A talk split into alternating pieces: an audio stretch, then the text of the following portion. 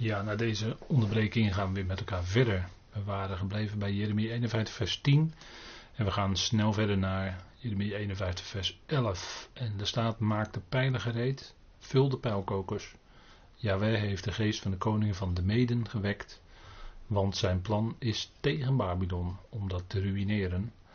Want het is de vergelding van Jaweh, de vergelding voor zijn tempel. En u ziet, hier, hier worden de meden genoemd hè, in dit vers. Yahweh heeft de geest van de koningen van de meden gewekt. En we lazen al in het begin van deze avond, in vers 1, dat Yahweh ook iets opwekt. Hè? En hier wordt dan de geest van de koningen van de meden gewekt. Wie doet dat? God. En zo zien we dat God eigenlijk al die touwtjes in handen heeft. Want hij zal ook zo staat in Jezaja, als ik het goed zeg uit mijn hoofd, slaat hij haken in de kaken van een bepaald tegenstrevend volk aan Israël en hij zal het halen en hij zal het brengen. En degene die dat doet, dat is Yahweh, dat is God. En die zal het brengen om zijn gericht dan uit te voeren, in dat geval over Israël, de wegvoering enzovoort. En hier de geest van de koningen van de meden gewekt. En zo zo zijn daar heel wat van dat soort schriftplaatsen te vinden in, de, in, de, in het woord. Waarin staat dat dus Yahweh degene is die de geest van koningen wekt. Hè? Zo de farao. Tegen de farao werd gezegd: Hiertoe heb ik u uitverwekt. Opdat. En dan komt het. Opdat God zijn naam aan hem zou verheerlijken. Daartoe had hij Farao verwekt en Farao kracht gegeven om groot te worden, om een groot koning te worden, om veel macht te hebben. En ook Nebukadnezar. En nou vult u alles maar in. Het is Jaweh die dat doet. Jaweh die zich verheerlijkt. Jaweh die het hart verhardt. Jaweh die zich ontfermt. En zoals Paulus dat ook dan zegt in Romeinen 9, hè, zoals geschreven staat, ik verhard wie ik wil. Hè, Paulus' conclusie is dat God dus verhardt wie hij wil en dat hij zich dat hij barmhartig is over wie hij wil. Dat is geen willekeur van God, maar dat is vanuit zijn liefde handelt hij en hij voert zijn plan uit. En dat is allemaal conform zijn hart, zijn liefde. Daar komt het allemaal uit voort. En ook hier, ook dit moet gebeuren. Maak de pijlen gereed, vul de pijlkokers. Het zouden best letterlijke pijlen kunnen zijn, letterlijke boogschutters, maar het zouden ook raketten kunnen zijn die afgevuurd worden waar tegenwoordig toch veel mee gedaan wordt. Ja, wij heeft de geest van de koning van de meden. En wie zijn de meden? Mogelijk, mogelijk iemand die dat uh, jaren geleden onderzocht, die was tot de conclusie gekomen dat de meden van oudsher nu de Koerden zijn. Dat de Koerden die streven naar een onafhankelijk Koerdistan, dat die de, eigenlijk de oude meden zijn het koninkrijk van de Meden en de Perzen. Hè, dat was het koninkrijk wat de, het koninkrijk van Babel van Nebukadnezar overnam. De Meden, de Mediërs. Want zijn plan is tegen Babylon om dat te ruïneren. Want het is de vergelding van Jewe, de vergelding voor zijn tempel. Nou, twee keer het woord vergelding, dat is het woord nakam. Dat hebben we met elkaar gezien. Zijn plan is tegen Babylon. U ziet dat Jaweh, dat God alle touwtjes in handen heeft, want hij wekt de geest van de koning van de mede. Het is zijn plan tegen Babylon om dat te ruïneren. Als de rol van Babylon is uitgespeeld, om het zo maar te zeggen, dan is het tijd voor het gericht. En God laat dat dan bestaan, die tijd, die korte tijd dat Babylon wereldheerschappij uitoefent. En zo is alles in zijn plan. Er staat een datum voor, dat weten wij niet, maar dat weet God wel. Overal staat een datum voor. En wij kunnen dat allemaal niet beseffen. Dat God al die lijnen, al die touwtjes in handen heeft en noem maar op. Kunnen we helemaal niet beseffen. Maar God is het die dat uitwerkt en dat geloven wij. En dat is onze zekerheid, dat is onze vastheid. God is het die zijn plan uitwerkt. En er gaat niets mis. Bij God gaat nooit iets mis. Hij miste ook zijn doel niet toen hij de tegenstander schiep als tegenstander om precies datgene te doen in zijn plan wat nodig was. En zo zondigt God niet, hij mist zijn doel niet. Nee, hij bereikt precies zijn doel, ook met die tegenstander, ook met die verderver, die afbreker, die dat afbreekwerk moet doen. daar bereikt God ook zijn doel mee. Dus God heeft zowel, om het zo maar te zeggen, de goede als de kwade kant van zijn plan volledig in zijn hand. En het zal ook precies datgene doen wat het moet doen. En dus, dus mist God nooit zijn doel. Maar is hij altijd bezig dat plan geweldig uit te werken. En dat hij degene is die zelfs het kwade schept. Ja, daar is hij God voor. En wij zijn mens en wij kunnen dat misschien niet bevatten of niet begrijpen. En denken dat het dan niet in de schrift staat, maar het staat er wel. Het staat er wel. En zelfs als mensen het lezen, het zien, of het wordt ze voorgelezen, of ze lezen het, misschien niet hardop, dan, kun, dan, dan komt het soms voor dat ze nog zeggen, ja, dat staat er wel, maar dat geloof ik niet dat het zo is. Nou, en dan is het gewoon, het staat er. Ja, natuurlijk blijkt dan dat ook dan weer God dat geloof moet geven. Natuurlijk, natuurlijk. Maar je, je bent dan verdrietig als mensen het lezen en het dan vervolgens ontkennen. Dat gebeurt zo vaak met dat woord, hè. Daarom zei de Heer Jezus ook: onderzoek de schriften. Hè. We zouden onder die oppervlakte ook zoeken wat daar verborgen ligt. En dat is heel veel. Dat zijn rijke schatten. Dat mogen en kunnen we doen. En als God dat geeft, dan kunnen we die ook vinden. Hè. De schriftgeleerde is degene die, hè, eh, zo noemt de Heer Jezus dat in Matthäus 13. Dan is daar die schriftgeleerde. Dat is ook een vergelijking met de koning die onderwezen is in het koninkrijk der hemelen. En die die uh, delft uit zijn schat. En wat is de schat van de schriftgeleerde? Nou, die schrift natuurlijk. Die delft uit zijn schat oude en nieuwe dingen. En dat is wat we ook in het woord tegenkomen. Er komen we oude dingen tegen, dat wil zeggen, het stond al zo lang geschreven. Maar die blijken dan toch verrassend nieuw te zijn. En er blijken dan toch weer verrassende nieuwe zicht. Heb je dan ineens. Krijg je zicht op hoe het zit. Verrassend wat er allemaal staat geschreven. Nou, Jahweh heeft de geest van de koningen van de meden gewekt. Dat doet God dus. En als er nu in onze tijd dingen gebeuren waarbij het ene land het andere land aanvalt, dan kunt u ervan uitgaan dat God degene is die van die leiders van het land de geest heeft gewekt. En daar gebruikt hij allerlei instrumenten voor en allerlei omstandigheden. Maar ten diepste is hij die het doet. Dat is. Uh, als je er zo tegenaan kijkt, dan kijk je toch heel anders naar zo'n wereldgebeuren weer. Hè? Nou, hef een banier op, vers 12, Jeremia 1, vers 12. Hef een banier op tegen de muren van Babylon, maak de wachtstand vastig, zet de bewakers neer, maak de aanvallers gereed, want Yahweh heeft het plan zowel gemaakt als uitgevoerd dat hij gesproken heeft tegen de inwoners van Babylon. Nou kan het nog duidelijker zijn, zou je bijna zeggen. Hè? Hij heeft het plan zowel gemaakt Jawel.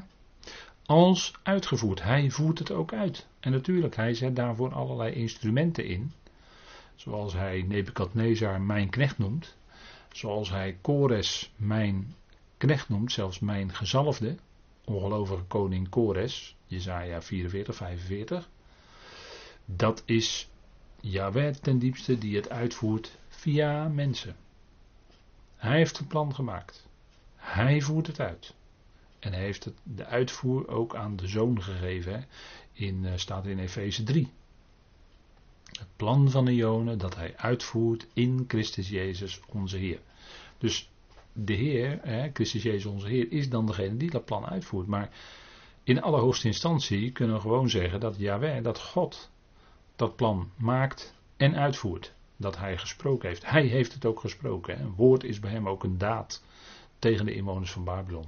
Nou, die muren van Babylon, waar hier over gesproken wordt, die zijn heel dik. Dat zijn twee muren, stond om de stad. Het was een stad van duizend hectare groot, dus een behoorlijk gebied. En dat waren muren van steen en leem. En de buitenste muur was maar liefst 7 meter dik. En de, of de binnenste muur, sorry. De binnenste muur was 7 meter dik. U ziet het op deze dia staan. En de buitenste muur was 4 meter dik. Nou, kom daar maar eens doorheen. En daarom wisten de mede en de persen wisten ook via een list. Ze lieten de rivier droogvallen en zo konden ze onder uh, zaken door de stad binnen marcheren. En hadden ze dus niks te maken met die muren, want konden ze gewoon over de rivierbedding lopen. Heel slim. En zo hebben ze Babylon in de nacht veroverd. Terwijl Belshazzar feest zat te vieren met uh, het gerei wat hij had genomen wat meegevoerd was van de tempel in Jeruzalem, hadden ze meegevoerd naar Babylon bij de wegvoering. En dat hadden ze in hun eigen schatkamers opgeslagen. En dat gerei, die bekers enzovoort, hadden ze allemaal tevoorschijn gehaald om een feest te vieren ter ere van afval. Dus het tempelgerei voor de tempel in Jeruzalem werd gebruikt om voor de afgodenfeest te vieren. En in diezelfde nacht kwam dat handschrift op de muur. Mene, mene, tikkel, oefarsin. Gewogen en te licht bevonden. En toen werd Babylon in de nacht veroverd door de Mede en de Persen. Er kwam een andere koning. En dat gebeurde eigenlijk eh, niet met verwoesting van de muur en dergelijke. Er werden wel bressen geslagen en daarom moesten die wachters ook neergezet worden.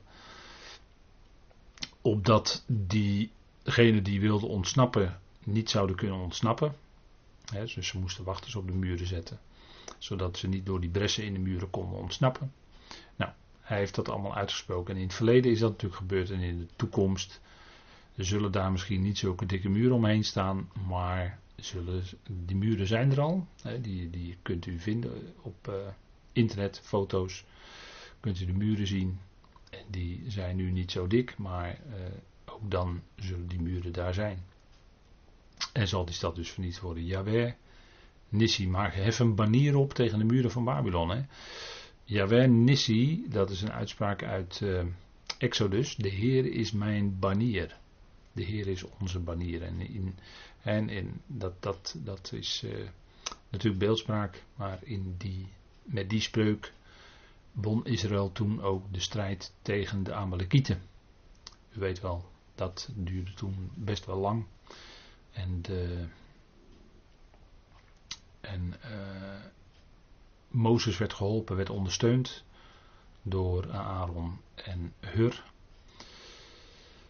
En zo kon hij die handen ten hemel heffen als teken van gebed. En zo, als, als dat hij dat deed, Mozes, dan hadden ze overhand in de strijd. En de Heer is onze banier. En dat is in Exodus 17 staat dat de strijd tegen de Amalekieten. De Amalekieten, dat is ook een beeld van de zwakte, onze zwakte, het vlees. Wat steeds probeert toch weer ruimte terug te winnen.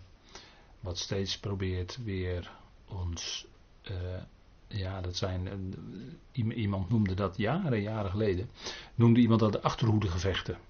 Het vlees wat toch nog steeds probeert de kop op te steken, wat toch nog probeert om, nou ik hoef u daarvan niks te vertellen, u weet dat zelf heel goed. Maar in de strijd is de Heer geweldig. Hè? De Heer is geweldig in de strijd. En dat is, heeft natuurlijk alles te maken met wat op Golgotha gebeurde. Dat onze Heer Jezus Christus gekruisigd werd. En dat hij daar, die heeft hij die geestelijke machten en krachten tentoongesteld. En zo over hen de overwinning behaald. Het was een geweldige overwinning, maar ook is daar het vlees afgesneden. Hij, het was ook de besnijdenis van Christus. En zo wordt ook bij ons, hè, geestelijk gezien, ja dat is misschien moeilijk om zo te zeggen, maar geestelijk gezien wordt het lichaam van het vlees afgestroopt in de besnijdenis van Christus. Dus we worden meegenomen in die dood en daarmee vindt ook het vlees zijn einde. En wij rekenen zo, hè? wij rekenen zo. Wij kunnen ons vlees niet verbeteren. het heeft ook geen enkele zin om het vlees te gaan bestrijden, want dan ga je het ook veel te veel aandacht geven. Dan ga je het veel te belangrijk maken. Nee, het vlees is mede gekruisigd met Christus. En daar zouden, zo zouden wij ook rekenen. Het is een overwonnen, in feite een overwonnen vijand. Vijandschap zit in het vlees, maar het is in feite een overwonnen vijand. En eh, als zodanig uh, ja, heeft het geen enkel recht meer op ons in feite. Hè? Zo zouden we rekenen. Rekenen zoals God rekent. Niet tegenstrijden, heeft geen enkele zin. Hè, want het vlees verandert niet. Het vlees kan zich niet onderschikken aan God. Onmogelijk. En als je tegen gaat strijden, dan maak je het heel groot. En dat is hetzelfde als strijden tegen de zonde. Ga dat niet doen, want het heeft alleen maar, je maakt de zonde dan alleen maar weer groot. En je, je zet de zonde eigenlijk daarmee alleen maar weer op, bovenop een stoel. Hè, of bovenop een, uh, bovenop een troontje, zeg maar. En dan ga je er proberen tegen te vechten. En het gevecht ga je gewoon dan, als je vanuit jezelf gaat vechten, ga je dat verliezen. Nee, hij heeft die overwinning behaald. Hij is degene die geweldig is in de strijd. En daarom zouden we ook staan op die overwonnen grond. Hè. We zijn meer dan overwinnend, zegt Romeinen 8. Meer dan overwinnend. Hij heeft de overwinning al behaald en zo zouden we ook rekenen. Nou, geen enkel mens mocht daaruit ontvluchten, dus er moesten wachters neergezet worden op de muren, zodat door de bressen niemand kon ontvluchten.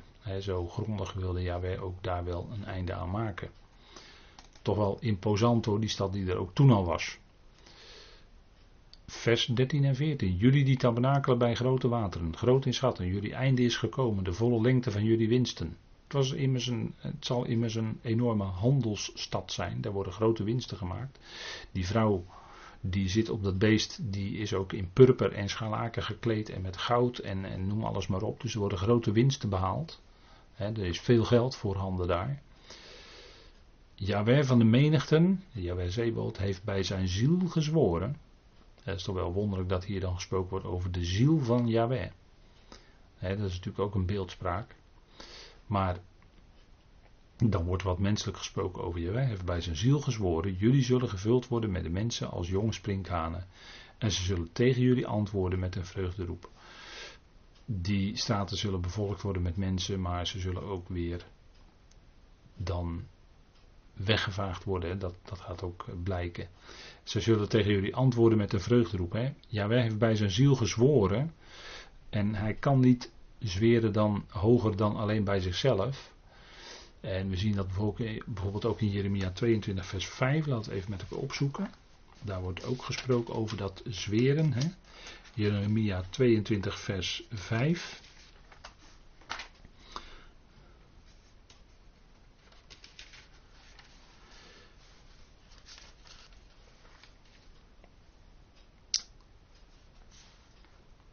Dat is dan een ernstig woord. Maar als u naar deze woorden niet luistert, heb ik bij mijzelf gezworen, spreekt Yahweh, dat dit huis tot een puinhoop zal worden. En dat is ook zo, dat, dat gebeurde ook zo. Als dat huis van uh, Juda, want, uh, want het gaat over de koning Juda, vers 6 zegt dat, want zo zegt Yahweh over het huis van de koning van Juda. En Gilead ben je voor mij, de top van de Libanon, voor maar, ik, voorwaar, ik maak je van, van jou een woestijn, onbewoonbare steden. Vorige keer heb ik ook gezegd, gevolg van gericht is ontvolking, verwoesting, duisternis, leegte. is gevolg van het gericht. En hier wordt dat dan gezegd, dan zweert de Heer om bij zichzelf, omdat hij, en dan, dan kan er niet op een niet hoger niveau gezworen worden natuurlijk. Er is natuurlijk uiteraard geen hoger dan wij zelf. Vinden wij ook in 49 vers 13 van Jeremia. Want ik heb bij mijzelf gezworen, spreekt Jaweh, dat Bosra, dat is dat gebied van uh, Bosra, de woestijn Paran, Sela, daar in Jordanië weet u wel. Bosra, schaapskooi betekent dat. Zo wordt het tot een verschrikking, tot smaad, tot een verwoeste plaats en tot een vloek. Al zijn steden zullen tot Ionische puinhopen worden. Nou, dat is enorm gericht, hè? maar de Heer heeft gezworen dat hij dat zou doen. En dat zal dan ook gebeuren. En in Genesis 22 lezen we dat ook, hè, als het dan gaat over uh, de belofte. De belofte die doorgegeven werd via Abraham, Isaac en Jacob. Nou, als die belofte met elkaar zien, dan zweert de Heer ook. 22 vers 16. En dan gaat het natuurlijk om die roerende geschiedenis van Abraham en de binding van Isaac. En er staat er, hij zei, de engel van Jahweh zei: Ik zweer bij mijzelf, spreekt Jahweh, omdat je dit gedaan hebt en je zoon, je enige, maar niet onthouden hebt, zal ik je zeker rijk zegenen en je nageslacht zeer talrijk maken als de sterren aan de hemel en als het zand dat aan de oever van de zee is. Je nageslacht zal de poort van zijn vijanden in bezit hebben. Dus, dus zal het poort betekent dat je dan het bestuurt, hè, dat je dan erover regeert. En zo zou het ook zijn. Zijn Abrahams nageslacht zou bijzonder talrijk worden, want het is niet alleen natuurlijk uh, Isaac, maar ook uh, Ismaël. En al die volkeren die uit Ismaël uiteindelijk zijn voortgekomen, die Arabische volkeren en Israël zelf, nou het is zo ontzettend talrijk. En de Heer had gezworen dat hij dat nageslacht, dat hij dat aan Abraham en Sarah zou geven.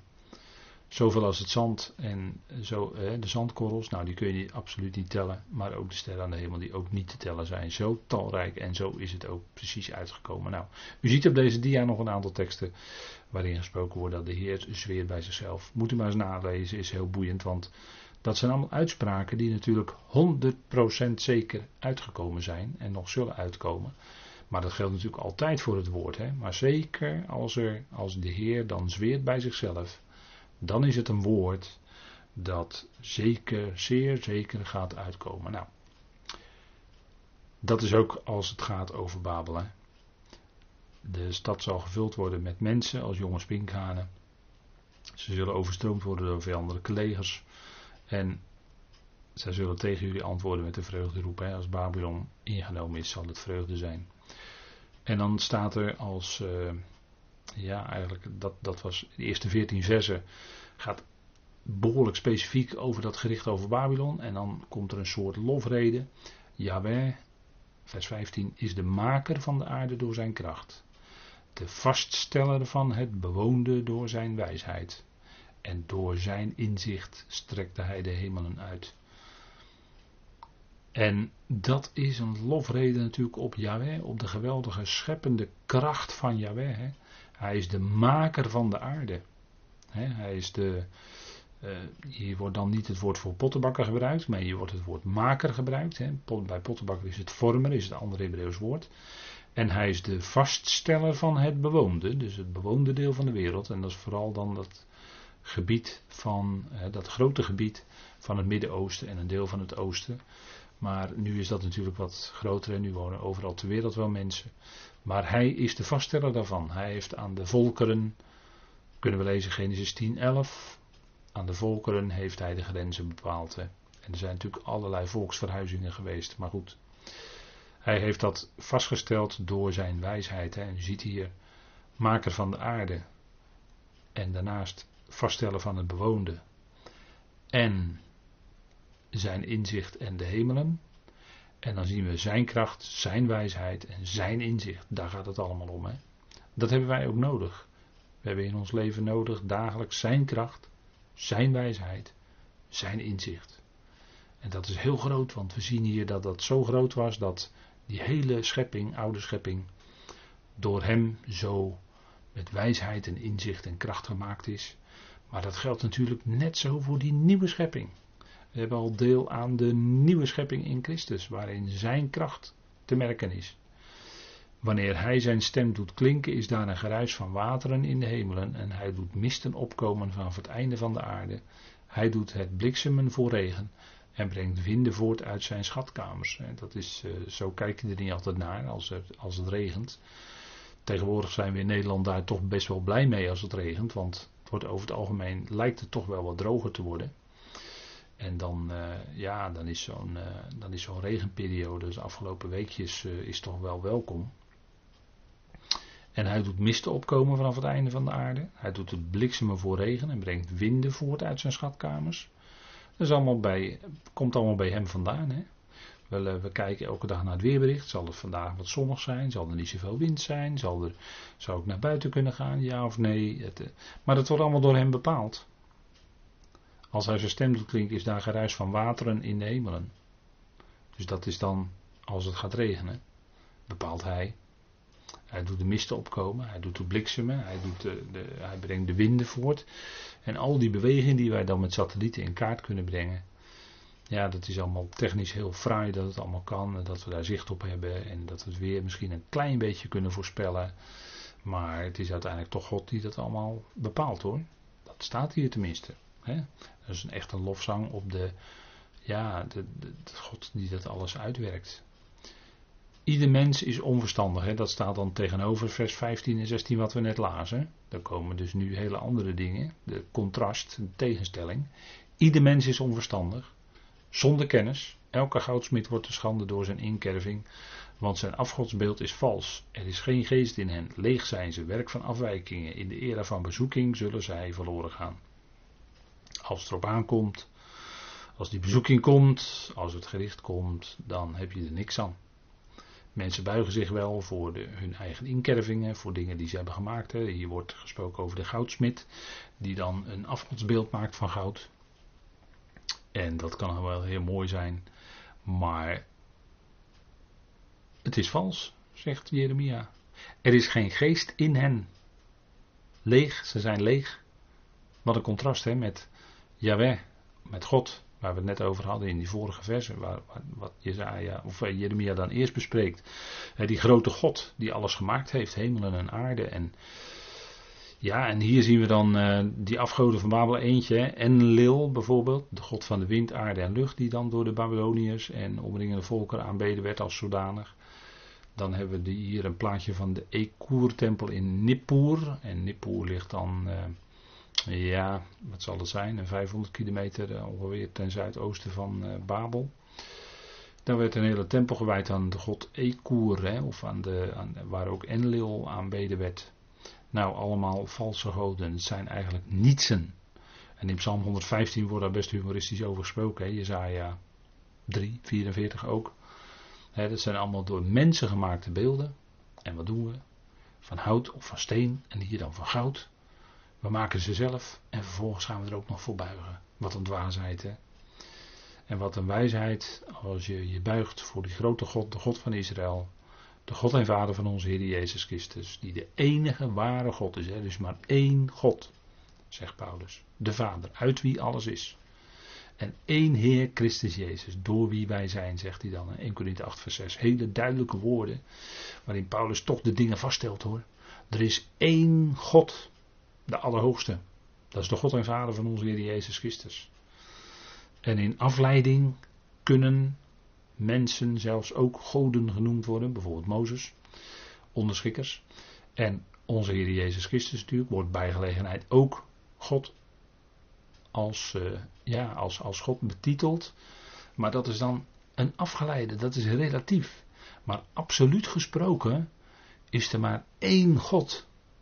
Dat is die God van Israël. Yahweh. Die ene ware God. Die waarachtig is. Wiens woord uitkomt die waar is. met waarheid komt ook licht. hij is licht, God is licht en in hem is in het geheel geen duisternis. Nee, nee, absoluut niet. En God is de alwijze God, die uh, zijn doel nooit mist. Bij hem is het altijd raak. Wat hij doet is altijd terecht, raak, wezenlijk en moet gebeuren. Want hij weet waartoe hij het doet.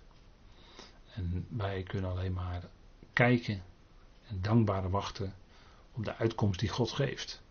want de omstandigheden waarin we zijn zijn vaak niet makkelijk. Maar het punt is dat, en was voor de pauze ook al even bezig met 1 Corinthië 10, met het staan en dat vallen.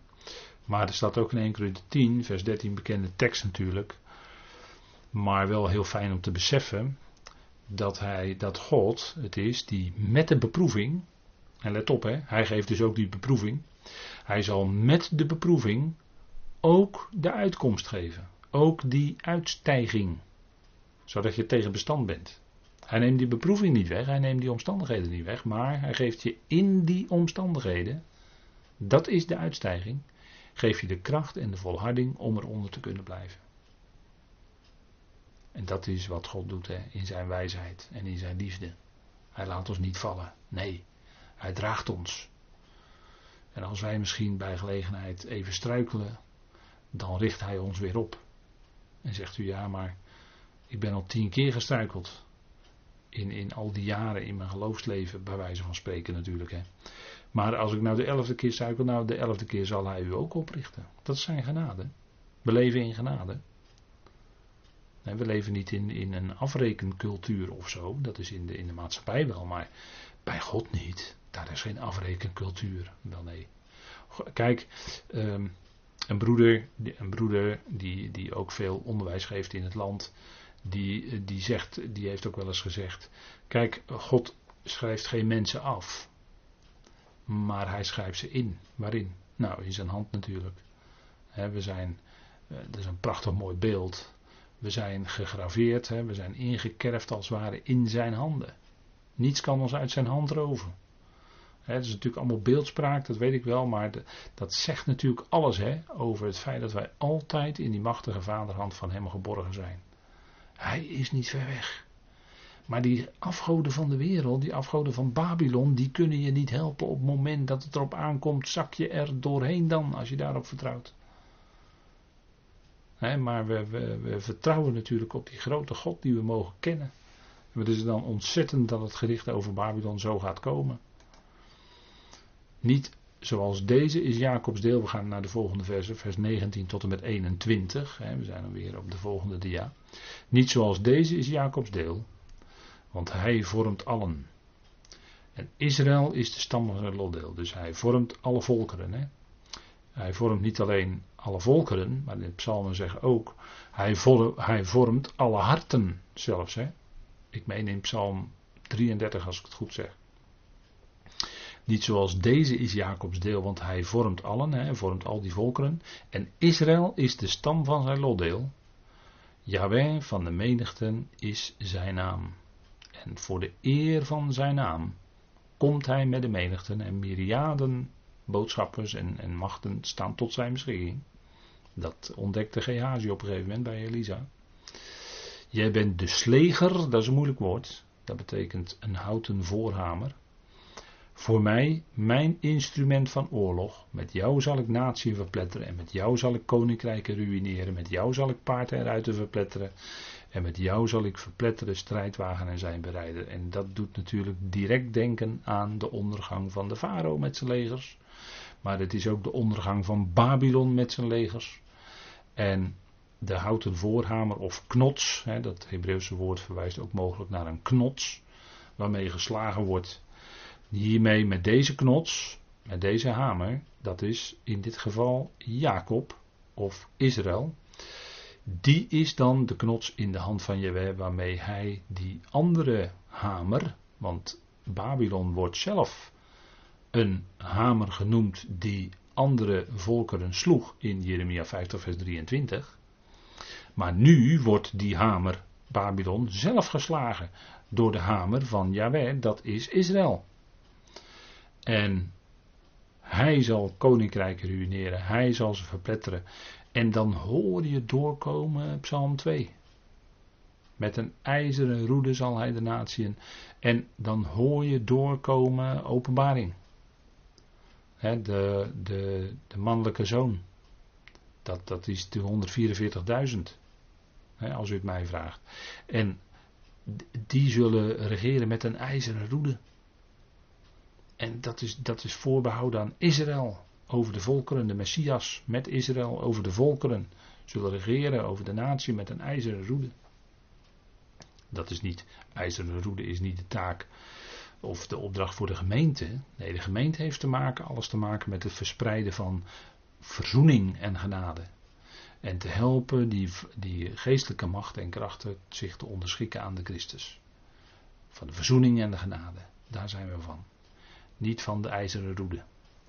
Dat is een hele andere notitie. Maar met jou zal ik koninkrijken ruïneren.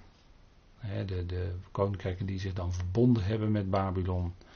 En het zal natuurlijk een verbond zijn, want er wordt gesproken in openbaar natuurlijk over zeven koningen. En dan ja, vijf. En dan is er eentje die komt en die valt weer weg en die komt weer terug. En noem maar op. Het zal dan een coalitie zijn van een aantal koninkrijken in de eindtijd.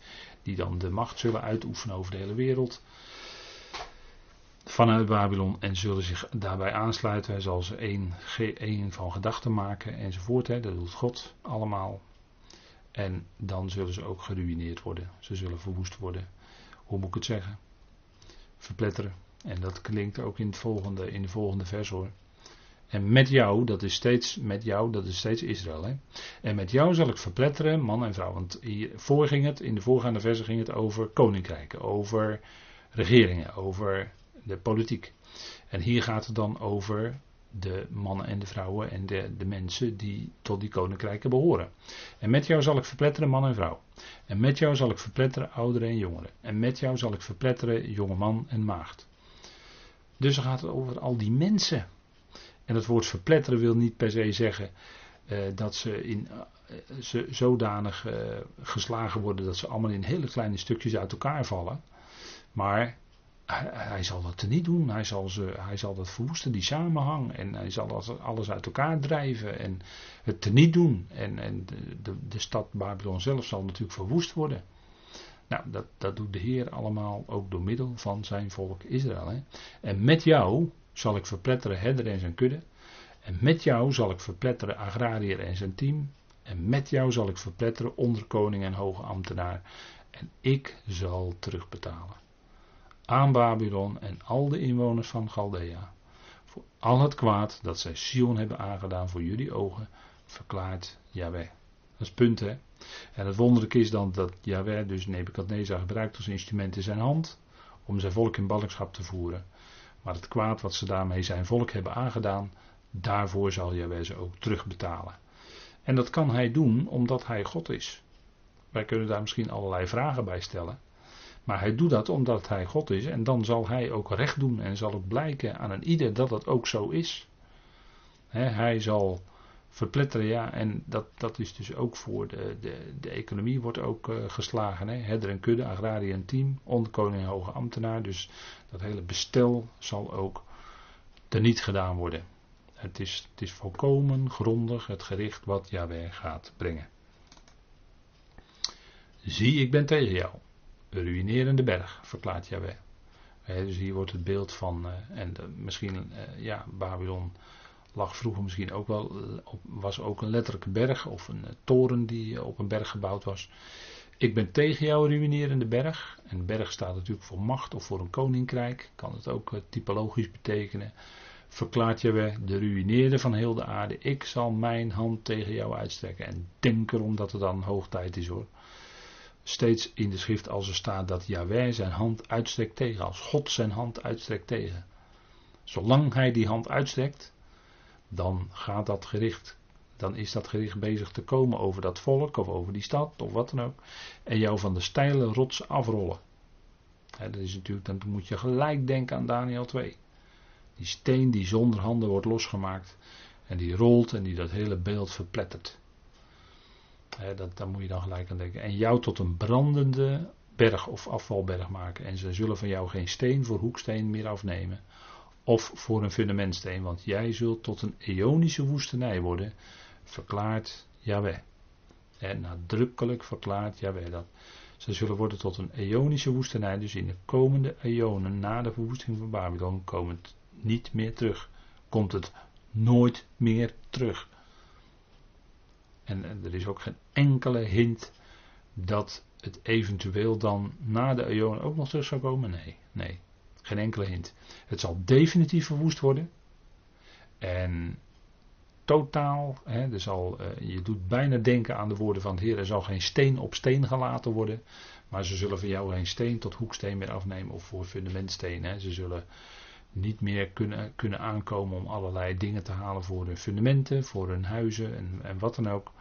Heel letterlijk gesproken, maar ook voor uh, regeringen. Ruïnerende berg. Ze oefenden macht uit. En ze ruïneerden andere volkeren. ze ruïneerden heel de aarde. En daarom zal Jaweh zijn hand tegen hen uitstrekken. Precies op, op het juiste moment. En ook voor de juiste tijdsduur. En dan zullen ze tot een afvalberg worden. Branden. En dat wordt ook in openbaring gezegd. Hè? De stad zal branden. En dan zal alles ten einde zijn. En dan tot slot de laatste dia voor deze avond. En dan is het ook alweer de hoogste tijd, zie ik. Hef een banier op in de aarde.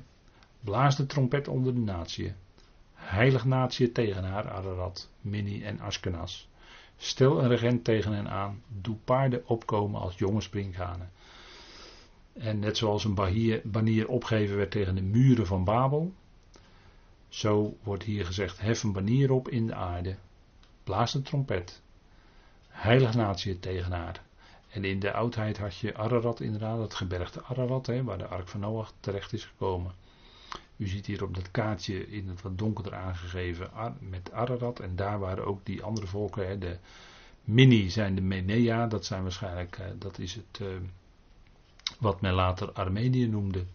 Maar het ligt ook in dat gebied tussen de Kaspische Zee en de Zwarte Zee en iets noordelijker Askenas. En dan horen we natuurlijk de Askenazische Joden. Hè. Dat zijn uh, Joodse mensen die uit Oost-Europa komen. Die noemt men Askenazische Joden. En je hebt ook de Sephardische Joden. Dat zijn meer de Joden uit uh, Spanje, Portugal, hè, die kant erop. En uh, die, die zijn uh, ook in Europa terechtgekomen verder, over Europa en in Nederland. En ze zijn nu ook in Israël. En in Israël is dan er ook weer onderling strijd tussen de Sephardische en de Askenazische Joden. Maar goed, dat, dat even voor gewoon de informatie. In ieder geval lag dat gebied daar wat u daar in donker ziet aangegeven. En uh, bij gelegenheid woonden daar ook de Skieten. En de Skieten, daarvan zegt men dat het ook uiteindelijk volk, volken zijn, een volk is, of volkeren. Combinatie die afkomstig zijn van de tien stammen. Dus daar de, dat daar de tien stammen zijn. Nou goed, voor wat het waard is, die informatie.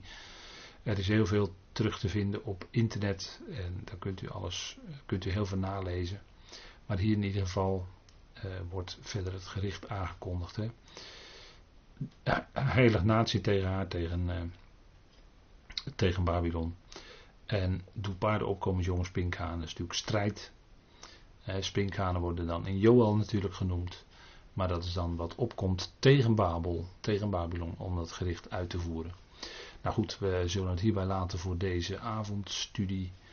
Voor deze studie op 1 juli van openbaring. En ik wil dan afsluiten met een dankgebed. Vader, we danken u dat we ook vanavond weer een moment stil mochten staan bij het woord van u.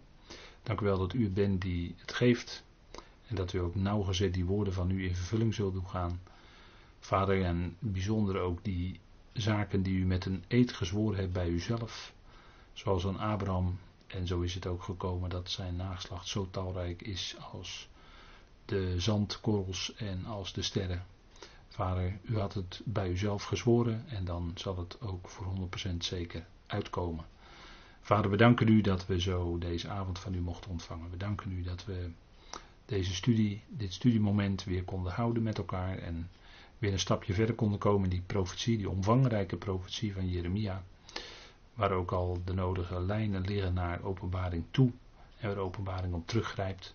Vader, we danken u dat daarin uw zoon wordt onthuld, die centraal staat in uw plan. Dank u wel dat u het bent, Vader, die alle touwtjes in handen hebt. Dat alle dingen uit u en door u en tot u zijn. Dat in u alleen alle heerlijkheid is. Vader, we danken u, loven en we prijzen u daarvoor dat u ons staande houdt. Ook in de omstandigheden waarin we zijn. Dank u wel dat u er bent, dat u nabij bent. Vader, we willen uw naam daarvoor danken, loven en prijzen. In die ene machtige naam van uw geliefde Zoon, onze Heer Christus Jezus. Amen.